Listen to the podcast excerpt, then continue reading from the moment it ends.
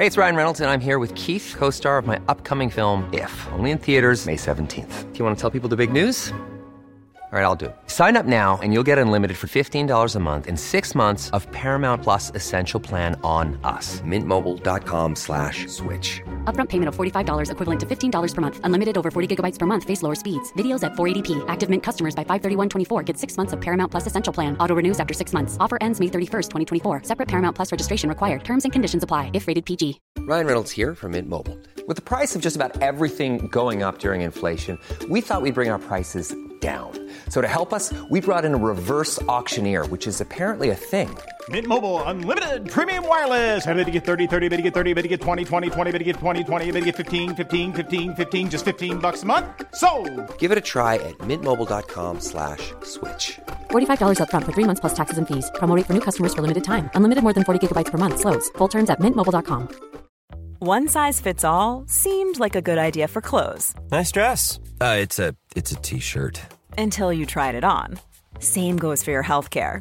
That's why United Healthcare offers a variety of flexible, budget friendly coverage for medical, vision, dental, and more. So, whether you're between jobs, coming off a parent's plan, or even missed open enrollment, you can find the plan that fits you best. Find out more about United Healthcare coverage at uh1.com. That's uh1.com. Palmemordet. Polisspåret med Mikael Lund. Sveriges statsminister Olof Palme är död. 90 000. Ja, det är mord på Sveavägen. Hörde de säger att det är Palme som är skjuten. Mordvapnet med säkerhet är en Smith Wesson, en revolver kaliber .357. Inte ett svar. Det finns inte ett svar. För jag har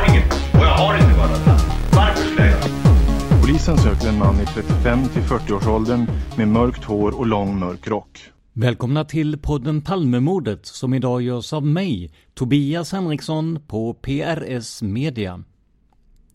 Om du gillar vår podd och eh, vill hjälpa oss att växa så får du mer än gärna gå in på patreon.com palmemordet Alltså p-a-t-r-e-o-n.com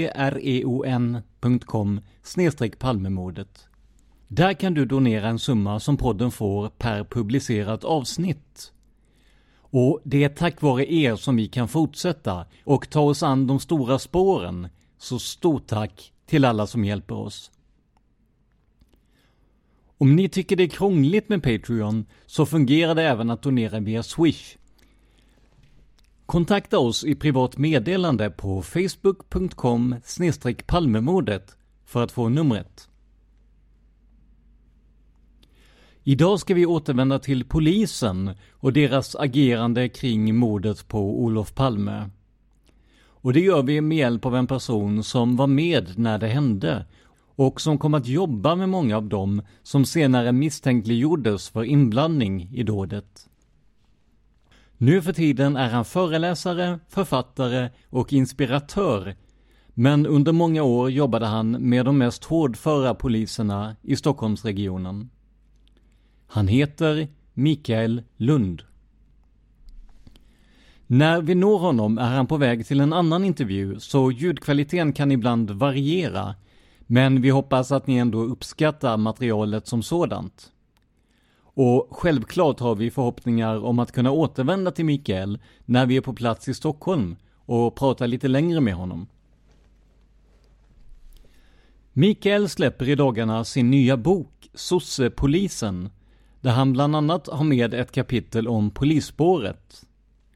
Och boken finns att förbeställa på alla större internetbokhandlar. För att ni ska få en bild av hur polisverksamheten i yttre tjänst såg ut på den här tiden citerar vi Mikael själv ur sin kommande bok Sossepolisen om när han kom ut i arbetet efter utbildningen. Citat. Misshandel, mened, plantering av falska bevis, skadegörelse, hets mot folkgrupp, stöld, frosseri i håret-porr och ett utbrett kvinnoförakt. Du kanske tror att detta är meritlistan hos någon av dem vi grep. Men nej, detta är min egen meritlista. Och exempel på vad jag kommer att göra under min tid hos Norrmalmspolisen. Det gällde givetvis inte alla poliser. Norrmalmspolisen var indelad i åtta arbetslag som kallades för turer och som namngavs med varsin bokstav från A till H.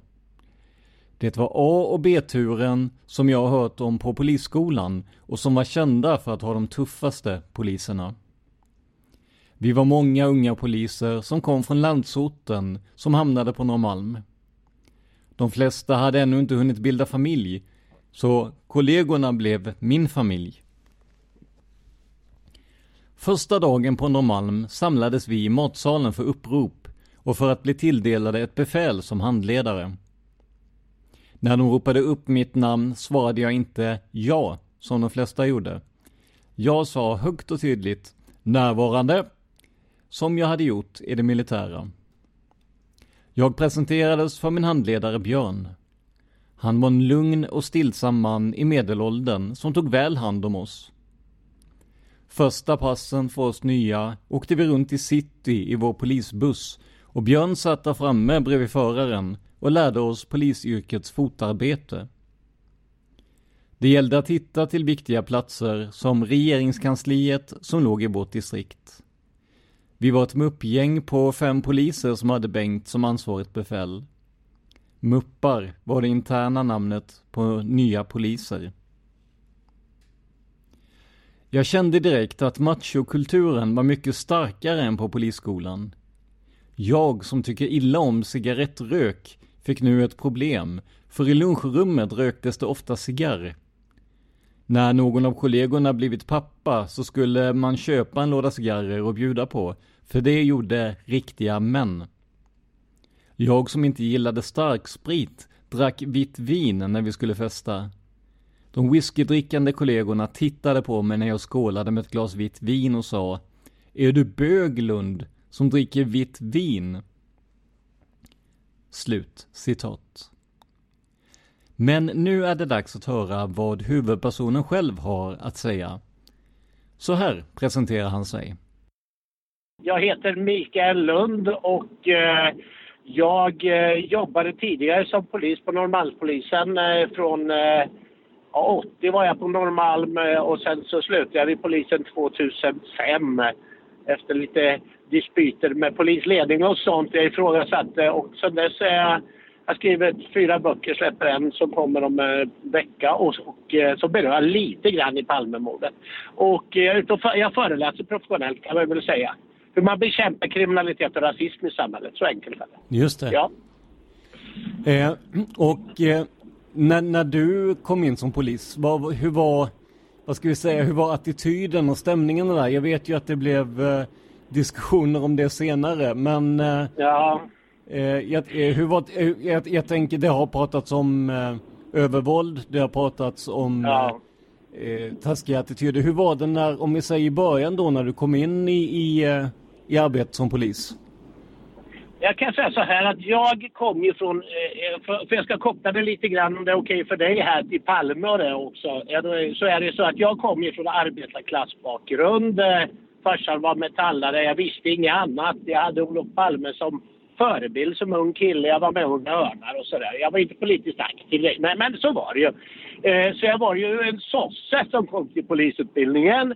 Och sen hamnade jag på Norrmalmspolisen eh, efter polisutbildningen. Och när jag är ute och talar, om jag talar för er eller föreläser, så han, säger inte jag att poliser är dumma eller snälla. De är som folk är mest. Utan jag pratar om vad kan hända när du kommer i en arbetsmiljö och med arbetsledare och befäl i ledande ställning som har felaktiga attityder. Nu råkar omständigheterna bli så att polisman B i Palmeutredningen blev väl lite grann av en läromästare för mig som tog hand om det när jag kom till Norrmalm, eh, till B-turen. Och det är klart att det påverkade mig, för jag var en, en blyg, rädd, ung kille som självklart i en hierarkisk organisation som polisen valde att följa flocken för att få trygghet. Förenklat kan jag säga så. Ja. Och attityder och där kan jag säga att det är klart att där jag var det är ju allmänt känt i den gruppen jag var. Det var ju, och kring den här personen, det var ju ett stort förakt mot Olof Palme eh, och socialdemokratin. Och där satt ju jag då som lite tyst självklart och eh, med tiden, när du är i en sån miljö, det rörde ju inte alla poliser, det förstår ju ni lyssnare, men då påverkades ju jag eh, och till slut så blev jag en av dem fast jag innerst inne kanske inte var det men jag, det är ändå lika illa att vara tyst menar jag än som att agera. Eh, det, det, det, om man pratar kring Palmemordet så har det ofta ja. pratats om eh, poliser med högerextrema eh, ja, värderingar. Ja. Var det något du märkte av? Ja, det måste jag ju säga. För att det, det är ju så här va, att eh, det är klart man får alltid folk emot sig när man yttrar sig om sånt här. Men, men, sanningen är det, jag hamnar ju till slut på de här mötena i Gamla stan som ni som är intresserade av Palmemordet vet om. Jag var inte på alla, jag var på fyra, fem. Och det är klart att det var ju inga sossar som gick dit. Sen kan ju inte jag sitta här och säga hur högerextrema ditan och dattan exakt.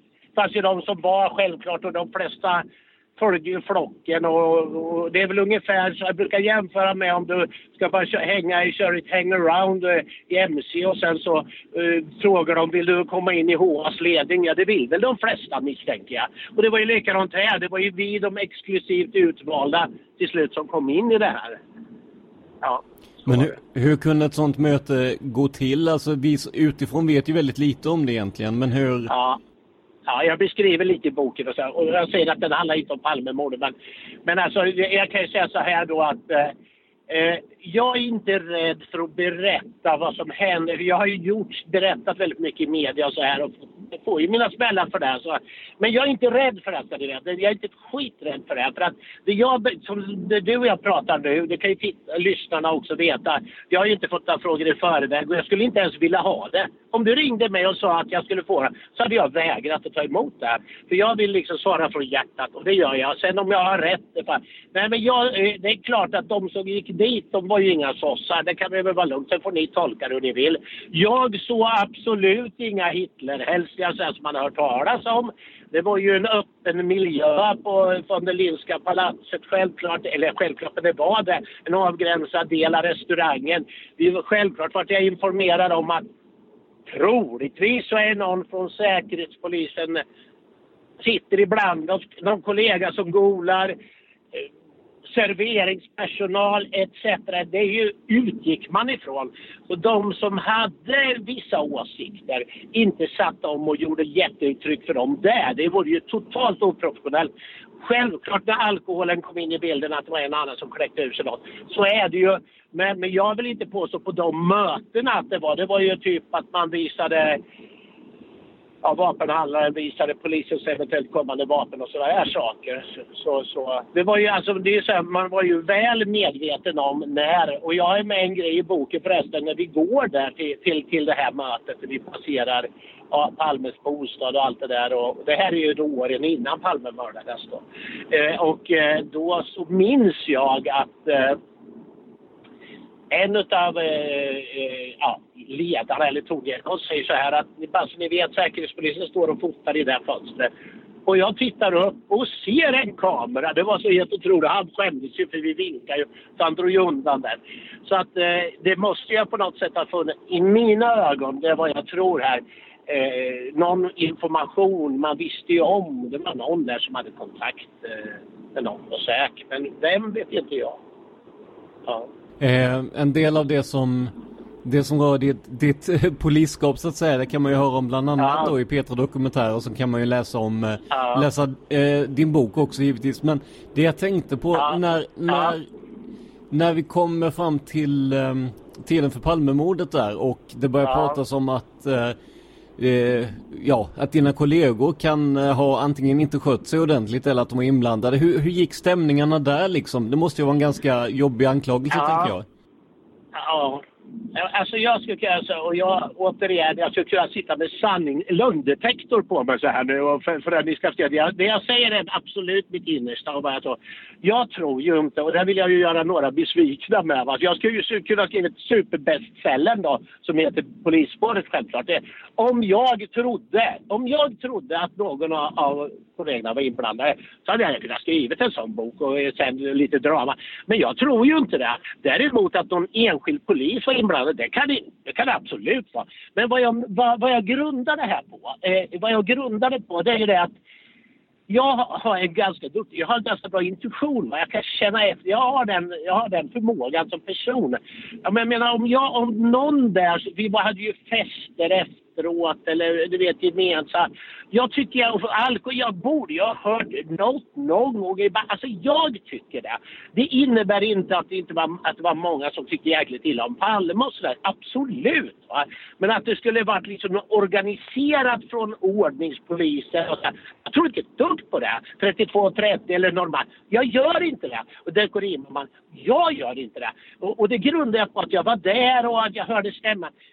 Visst, jag kan ha fel. Jag sitter ju inte här och säger att jag har rätt. Men det är vad jag säger, vad jag tror. Jag skulle inte vara ett dugg rädd att säga motsatsen. Absolut inte. Men det är vad jag känner. Men det som jag varit lite, som jag personligen varit frustrerad över det var ju det att jag satt ju i piketen då och eh, mode och, och nationella insatsstyrkan fanns ju inte. Och, och Betuspiketen, om man får slå sig lite på bröstet, vi var väl lite spetsade. Eh, va?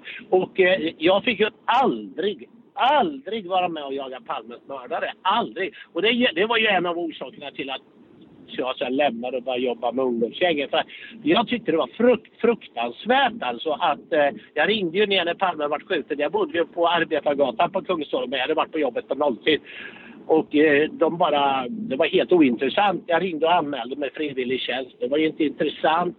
Och det var ju så att precis innan Palme, eller en tid innan Palme mördades, eller en tid, jag vet halvår, så ströp de all övertid inom polisen. All övertid. Alltså all, tre, två i min piket tog taxikort.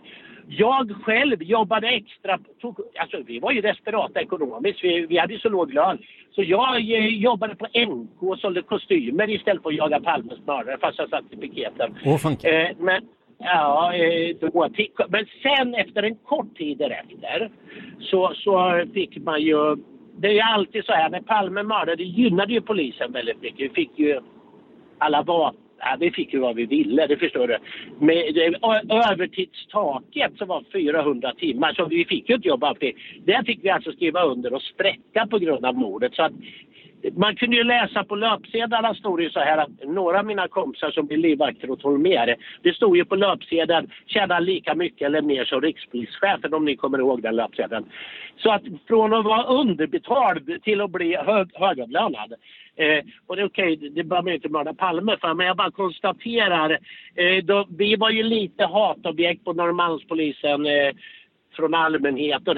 När Palme hade mördats så jagade de piketbussen på, eller sprang efter oss på Mäster Samuelsgatan, kommer jag ihåg, och applåderade. Kom igen grabbar, ta mördaren! Så plötsligt så fick vi hela folket med oss. Och det är precis samma syndrom som skedde på Drottninggatan efter terrordådet. Eh, polis, polisbilar överöstes av blommor och alla ville krama en polis. För svenska folket var så otryggt och rädda och då så, eh, ja vad har man för utpost i samhället? Det enda man har är ju polisen då självklart. Så, så, så Ja. Men hur, hur, var, hur var den omställningen då? För att jag menar, eh, om man tittar i media så där så var ni ganska ifrågasatta ja. Eh, först och sen blev det en, en sån total omsvängning. Det måste ha varit, eh, det måste varit en ganska stor omsvängning för er också. Ja, men, men, men, men, bara en sån sak. Jag vet ju ni som lyssnar, de allra flesta följer ju poddar och, och, och, och sådär. Jag är jätteintresserad av Palmemordet. Jag läser det mesta och jag vet att det är så mycket duktigt folk som är insatta i det här och eh, ni vet ju då att, eh, det säger, jag räcker väl att säga att Hans Holmér blev årets svensk så behöver jag väl inte säga mer.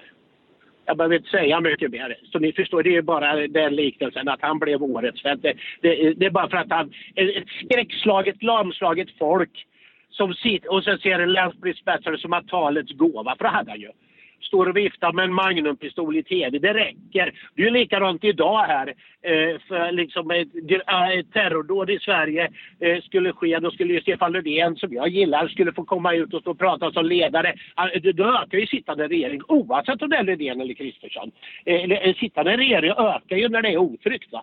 Och det är ju lite grann så jag upplevde att, eh, att det, det är ju så det blev med Holmér också. Så ett otryggt samhälle tjänar ju självklart polisen på. Det vet vi ju. Ja, absolut. Eh, det, hur, var, hur var det med... Det har pratats mycket om att det var, ja man hade stort intresse för vapen och liknande. Var det en, en ja. var det väldigt, liksom, vad ska man säga, vapenintresserat machokultur där?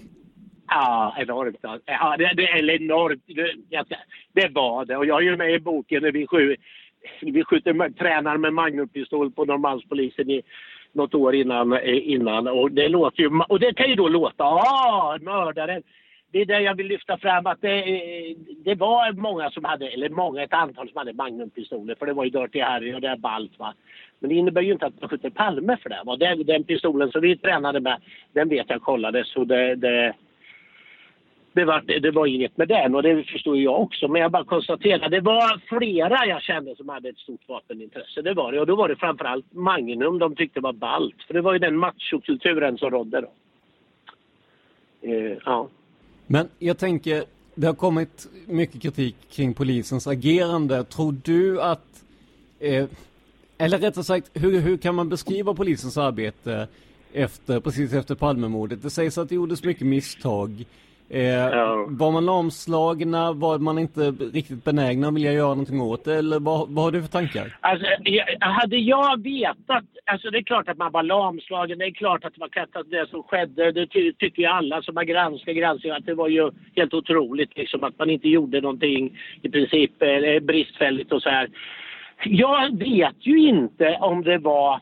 Jag kan ju inte veta om det var... Eh, ska säga, medvetet eller omedvetet. Jag får ju hoppas att det var omedvetet, att man var så jävla klantig. Va?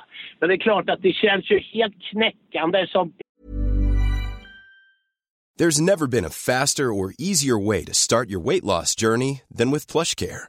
PlushCare accepts most insurance plans and gives you online access to board-certified physicians who can prescribe FDA-approved weight loss medications like Wigovi and Zepbound for those who qualify. Take charge of your health and speak with a board certified physician about a weight loss plan that's right for you. Get started today at plushcare.com slash weight loss. That's plushcare.com slash weight loss. Plushcare.com slash weight loss.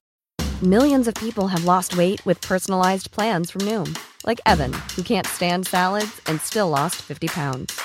Salads, generally, for most people, are the easy button, right?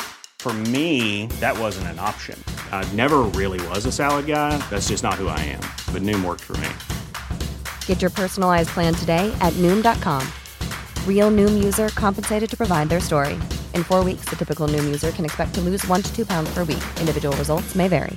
If you thought the only way to get a more defined jawline with natural looking results was through surgery, think again. Juvederm Volux XC is a non surgical injectable gel filler that improves moderate to severe loss of jawline definition and can help you achieve natural looking results with little downtime. Even better, this improved definition lasts up to one year with optimal treatment. No maintenance required. Improve jawline definition for a smooth, sculpted look with Juvederm Volux XC. For important safety information and to find a licensed specialist, visit juvederm.com. That's J U V E D E R M.com. Not for people with severe allergic reactions, allergies to lidocaine, or the proteins used in Juvederm. Common side effects include injection site redness, swelling, pain, tenderness, firmness, lumps, bumps, bruising, discoloration, or itching. There's a risk of unintentional injection into a blood vessel, which can cause vision abnormalities, blindness, stroke, temporary scabs, or scarring. Talk to a licensed specialist to find out if it's right for you.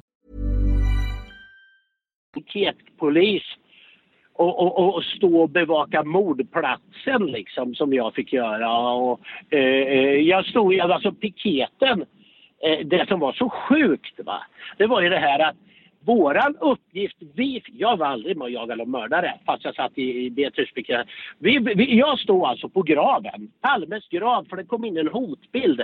Eh, vandalisering eller om någon skulle stjäla askan eller det, det vet jag inte. Men det kom in en hotbild mot graven. Det var innan stenen kom.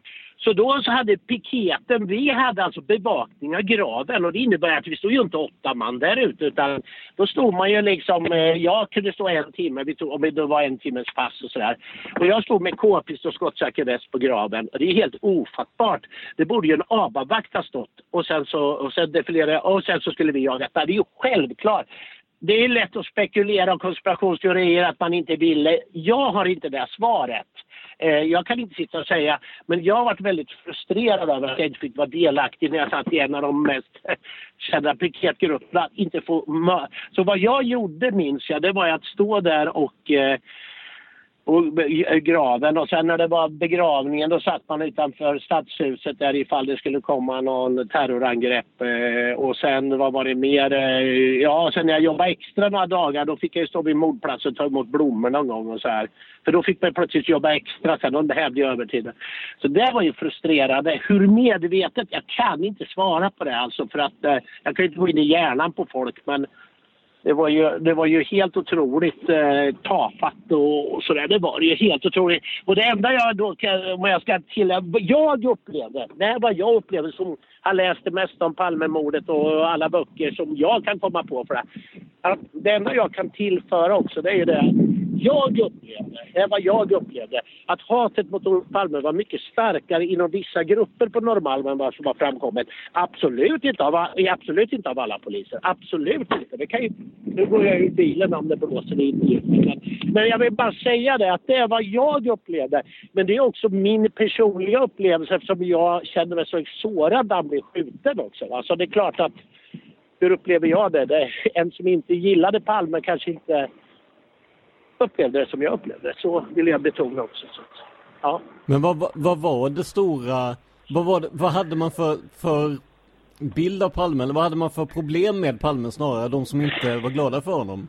Vi som inte, för jag, jag är född 80 så jag, ja, ja, ja, okay, ja. dåliga minnen av den tiden. Nej men alltså, eh, eh, vad jag hade det var ju Ja, det var ju några som hade såna här bilder på Palme i klädskåpen med piltavlor och såna här saker. Det var det ju. De ja, tyckte illa om Palme, men jag påverkades ju starkt utav några i min arbetsledning bredvid mig, polisman B och andra. Det är klart jag gjorde.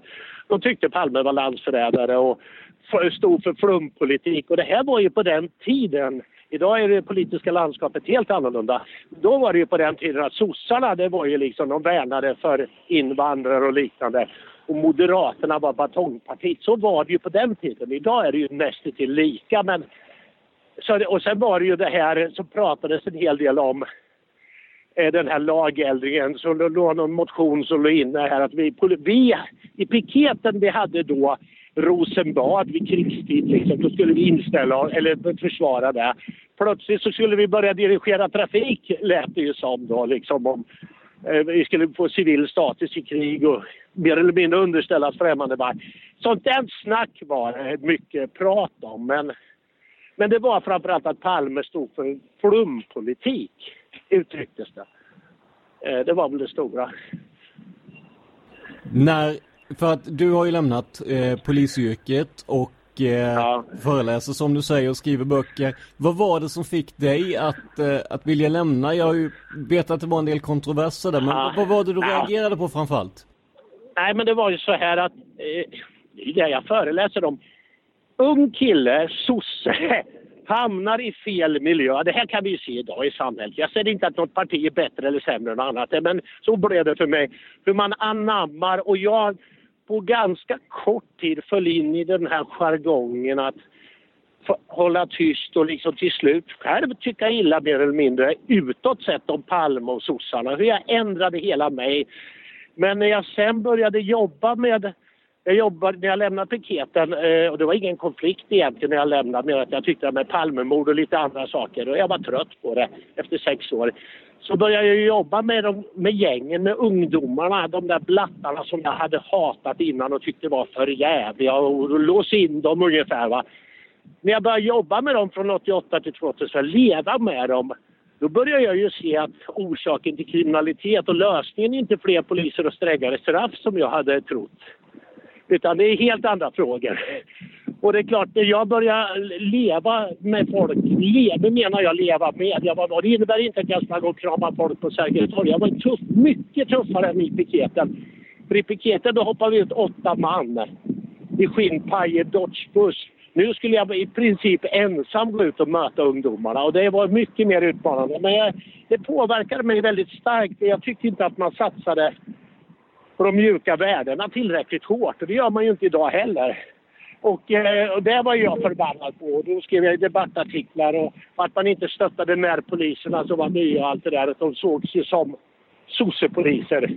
Och sen den dagen, sen den dagen när jag började jobba med gängen och det var mycket tv, vi var ute och jobbade på lä- så fick jag brev till polisstation, internt och externt. Alltså brev som inte var snälla. De, de breven var adresserade till den daltande sossepolisen Mikael Lund. De breven, en del lämnades in till polisen, självklart diariefört, men de gjorde ingenting så jag sparade dem. När jag tog fram gamla handlingar för en tre månader sedan så hittade jag många av de breven. Åh fanken. Och det var det som gav mig idén till nya bokens titel, Sossepolisen. Det var det som gav mig. Så min egenskap är att mina fiender är mina främsta lärare. Och det var ju likadant med gängen. För leder du med gängen så lärde jag mig hur de tänkte när det gäller kriminalitet och fortfarande så. så. Sen så kom ju Stig Larsson in ex på styrelse och gav mig en jäkla massa eller stöd och hjälp. Jag satt där i tio år också. Så ja, det har varit en lång resa från eh, från rasist till antirasist. Ja, ja visst. visst. Så var det. Men, du, jag, jag, tänkte på det när man... Alltså hur, hur var polisens syn på spaningsledningen i Palmemordet? För att eh, Hans Holmér var ju, han var ju, som du säger, han var ju väldigt vältalig. Men hur såg ja. man på honom? Var det, var det förakt? Var det beundran? Nej, beundran. Alltså, nu, nu säger jag vad jag upplevde, vad jag... Med, några av mina närmsta vänner, de blev ju handplockade livvakter åt honom. Och det är klart, då, du, du, blir ju som du umgås, heter ju uttrycket. Och det är ju självklart när, eh, när allt uppdagades sen och han fick lämna och avgå, då började man undra. Men vi pratade, jag tror att, eller jag vet att det de kring mig. Vi var på, eh, när han var årets svensk så var man ju stolt och tyckte det var rätt och sådär liksom. Det tyckte nog de flesta, annars hade han inte blivit årets svensk. Eh, för man blir ju förd bakom ljuset lite grann. Man blev förblindad och eh, man kände att han var duktig att tala och det är klart, det höjde ju polisens status att det var en sån pass duktig person som stod där och så här. Så, så upplevde jag honom. Men det är klart, sen när allt uppdagades så var det ju en stor besvikelse. Absolut. Ja. Eh, utöver det som rör Palmemordet, vad, vad ja, om du berättar lite om din bok helt enkelt. Vad tar du upp med där?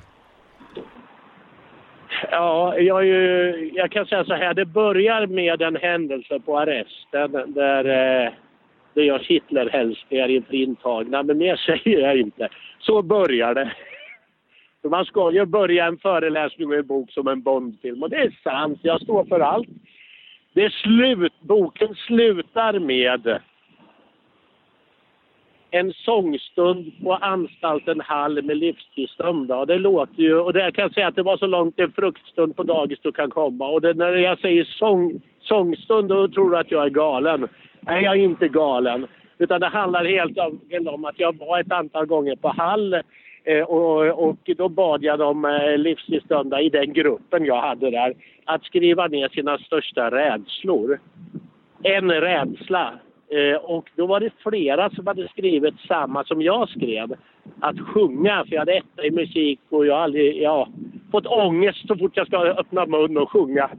Eh, så att eh, det var det. Och så att jag gick och tog sånglektioner sen dess. Och så nu kör jag ju Elvis och det skvätter om det va. Och Jailhouse Rock gärna. Men, men alltså, sen handlar det om hur, man, hur lätt det är kopplat till det som sker i dagens samhälle hur lätt det är att falla in i, i, i de här högerextrema eller vänsterextrema eller vad det nu är för, för, för eh, teorier. För att eh, när, när Palme mördades och på den tiden då hade man den fakta som presenterades på tv. Idag har folk en åsikt och sen söker man på nätet efter den fakta som passar sin egen åsikt. Va? Så att det är ju, jag pratar om hur, samhälle, hur det ser ut och vad vi, men framförallt så bygger jag ju upp ett stort ljus. Va? Liksom att när jag slår på nyheterna eller lyssnar på Bert eller vad det är så ser jag bara elände och det är elände. Det här, jag visar det, om du väljer att se samhället på något form med kärlek, glasögon istället för rädsla så får du ett annat samhälle. För det innebär ju inte att jag är blind. Va? Jag var i Rosengård nyligen och jobbade bland gängen. Jag var på Hall bland livstidsdömda.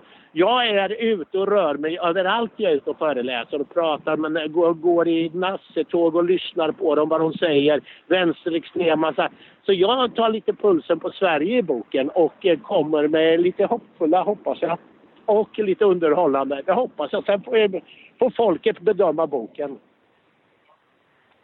Palmemordet tror jag det är, det är sju sidor om det, men det innebär inte någon lösning på Palmemordet. Men det är lite händelser från vad som händer, så är det. Kommer man att kunna lösa ja. det tror du? Nej, det tror jag inte. Eh, tyvärr. Jag säger tyvärr, jag tror inte det. Men eh, för att få för, hitta vapen och det. Men eh, ja. Men, men eh, jag kan väl säga så här när det rör Palmemordet. Det enda jag är övertygad om hundar. Jag tror inte att det är något polisspår på ordningspolis. Det tror jag absolut inte. Och sen, sen tror jag absolut inte på Christer Pettersson. Och vad grundar jag det på? Det kan jag säga till er. Jag grundar det på att jag har träffat så många människor eh, som kände Christer Pettersson vid mordet. För jag har föreläst på fängelser, på andra ställen för, för detta kriminella. Jag har pratat med många som var väldigt nära honom. En som bodde granne i många år i samband med och, och sam, i princip samtliga, kanske med ett undantag, har de sagt att det finns inte en chans att det är han. Så det är det jag grundade framför allt på, alla personliga möten. Sen kan jag ha fel, det vet jag. Det finns de som tror tvärtom, men jag grundar det på möten med människor. Inte med vad jag läst, så är det. Nej, och det som han... Eh, det han gjort sig skyldig till i form av våldsbrott, det var ju hastigt mord när han blev eh, provocerad. Ja. Han stack en bajonett ja, ja. genom en. Ja, visst, visst. Nej, men alltså jag tror inte alls att det, att, att det är Christer Pettersson. Det tror inte jag alls. Så det är det enda jag liksom är övertygad om. Och sen tror jag inte på polisspåret på ordningspolisen eller Dekorima Det tror jag inte. Visst kan jag ha fel, men jag säger bara jag... Det är det jag säger. Jag kan inte säga något annat. Och jag har ingen relation med poliser så här idag så att jag behöver känna något, ska ligga bra eller inte bra. Det skiter jag fullständigt i. För hade jag trott det var tvärtom så hade jag vågat sagt det utan problem. Men du, jag tänkte du pratade om Hall innan. Eh, om, om det var så att du och dina kollegor hade blivit eh, åtalade och dömda för, eh, för de grejerna ni har gjort här. Det pratades i, bland annat i Petra-dokumentären om, om eh, ja. misshandel av arrestanter och så vidare. Ja, hade, hade, ni hamnat där också, eller på att säga. Men hur, hur länge skulle du suttit inne i så fall? Nej, nej, men jag brukar ju säga så här. Eh, det är ju lätt att skriva vara kaxig när det preskriberar. Jag vill inte säga någon kollega. Det vill jag inte. Jag säger för mig själv, för mig själv Micke. Jag, jag hade ju suttit, ja, ett par livstid hade det nog varit. Och det har jag just pratat om. Tro inte att jag inte har mött många av de här. Jag har mött så många. Ni anar inte. I, när jag har varit på fängelser, när jag har varit på eh, sinnesrogudstjänster. Jag har mött flera personer. Vi har haft eh, mycket, mycket snack om det där. Va? Och, eh, återigen, det har inte varit liksom eh, gamla damer och så här som jag missar, eller jag, jag, utan det var ju sådana som är kaxiga och dumma och sådär. Va? Men, men visst, totalt felaktigt och eh, eh, så är det. Så, så jag har ju där fått då, de hade, i boken har jag ett möte där vi, jag pratade om det här på fäng, fängelserna. Va? Och, och sen, eh, jag var där med kriminella surveillance i samhället och eh, vi satt, hade diskussion på Svartsjöanstalten om det här, vad jag hade gjort. Vi hamnade i det och eh, när, vi, när vi kommer till Bromma då ringer det på kriminella surveillance i samhällets telefon. Då är det fångarnas förtroenderåd som har haft möte där efter min föreläsning. Och ringer upp då och de lämnar telefon till mig och så säger de så här att ja, vi har haft röstningar. Alla utom en tyckte att eh, Eh, ja, att eh, det är mycket bättre att du är utomhus. Det är ju inte lätt att i efterhand och liksom åta. Att du talar om vad som är rätt och fel och sådana saker. Det gör fan ingen nytta innanför murarna ungefär. Så uttryckte fångarnas förtroenderåd då på Svartsjöanstalten. Sen finns ju självklart olika individer här som, eh, som är grovt kriminella och busar och påtända som har en annan uppfattning. Det förstår jag också. Så att, eh, men, men eh, men det var ju på den tiden, det fanns inte telefon, det fanns ju inte mobiltelefoner, det fanns ju inte ja, så man kunde filma, så var det ju. Va? Och, eh, ja, alla poliser gjorde det återigen inte, alla, de flesta var skötsamma. Ja. Men om det hade skett något liknande idag, alltså ett, ett statsmannamord, nu hade vi ju mordet på Anna Lind, men eh, hur, hur tror du att man skulle angripit idag? Hade vi, hade vi kunnat... Ja, mycket bättre, mycket bättre. Oj, oj, oj, jag är helt övertygad om alltså man, Svensk polis har ju blivit mycket, har ju lärt sig väldigt mycket av Palmemordet, av 11 september-händelser och alla de här sakerna. Så där känner jag, för, där känner jag ingen som helst oro för att man, att man har eh, mycket bättre koll. Absolut. Det, det kan jag säga. Man lär sig av livets misstag, så har även jag gjort. Så är det ju bara. Och det var det som gjorde att man hade svårt att, att, att uh, komma till en lösning då, att man inte hade någon erfarenhet av det helt enkelt?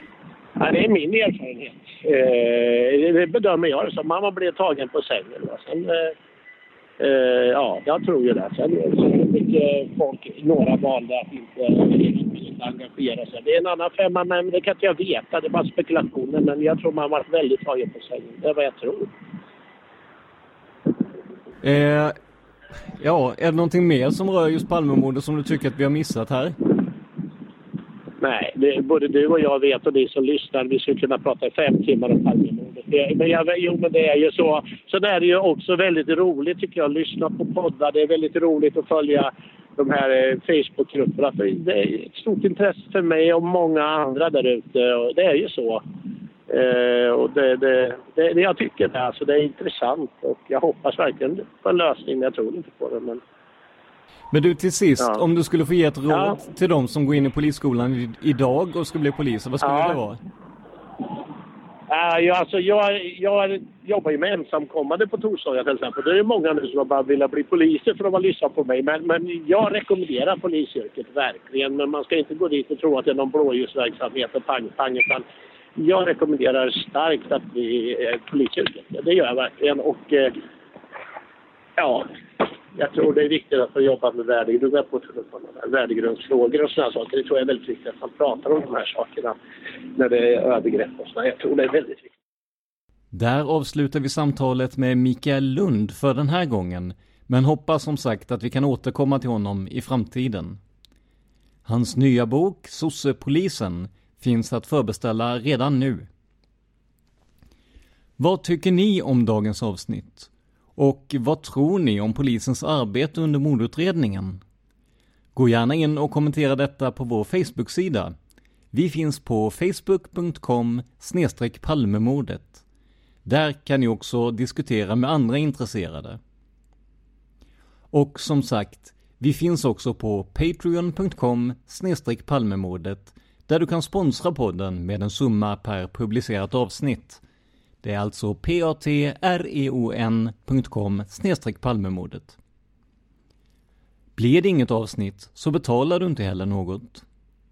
Ditt stöd är viktigt för att vi ska kunna ta oss an alla de stora spåren som vi så gärna vill. Så tusen tack på förhand. Det här var veckans avsnitt av podden Palmemordet som gjordes av mig, Tobias Henriksson på PRS Media. För mer information om mig och mina projekt besök facebook.com prsmedia.se. Och om du är intresserad av true crime, kolla gärna in några av Dans andra poddar som Seriemördarpodden, Massmördarpodden eller Mördarpodden som han gör tillsammans med Josefin Molén. Mer information om dessa hittar ni genom att söka på deras namn på Facebook. Tack för att du lyssnar på podden Palmemordet. Man hittar Palmes mördare om man följer PKK-spåret till botten. Därför att ända sedan Julius Caesars tid har det aldrig hört talas om ett mord på en framstående politiker som inte haft politiska skäl. Polisens och åklagarens teori var att han ensam hade skjutit Olof Palme. Och det ledde också till rättegång. men han frikändes i hovrätten.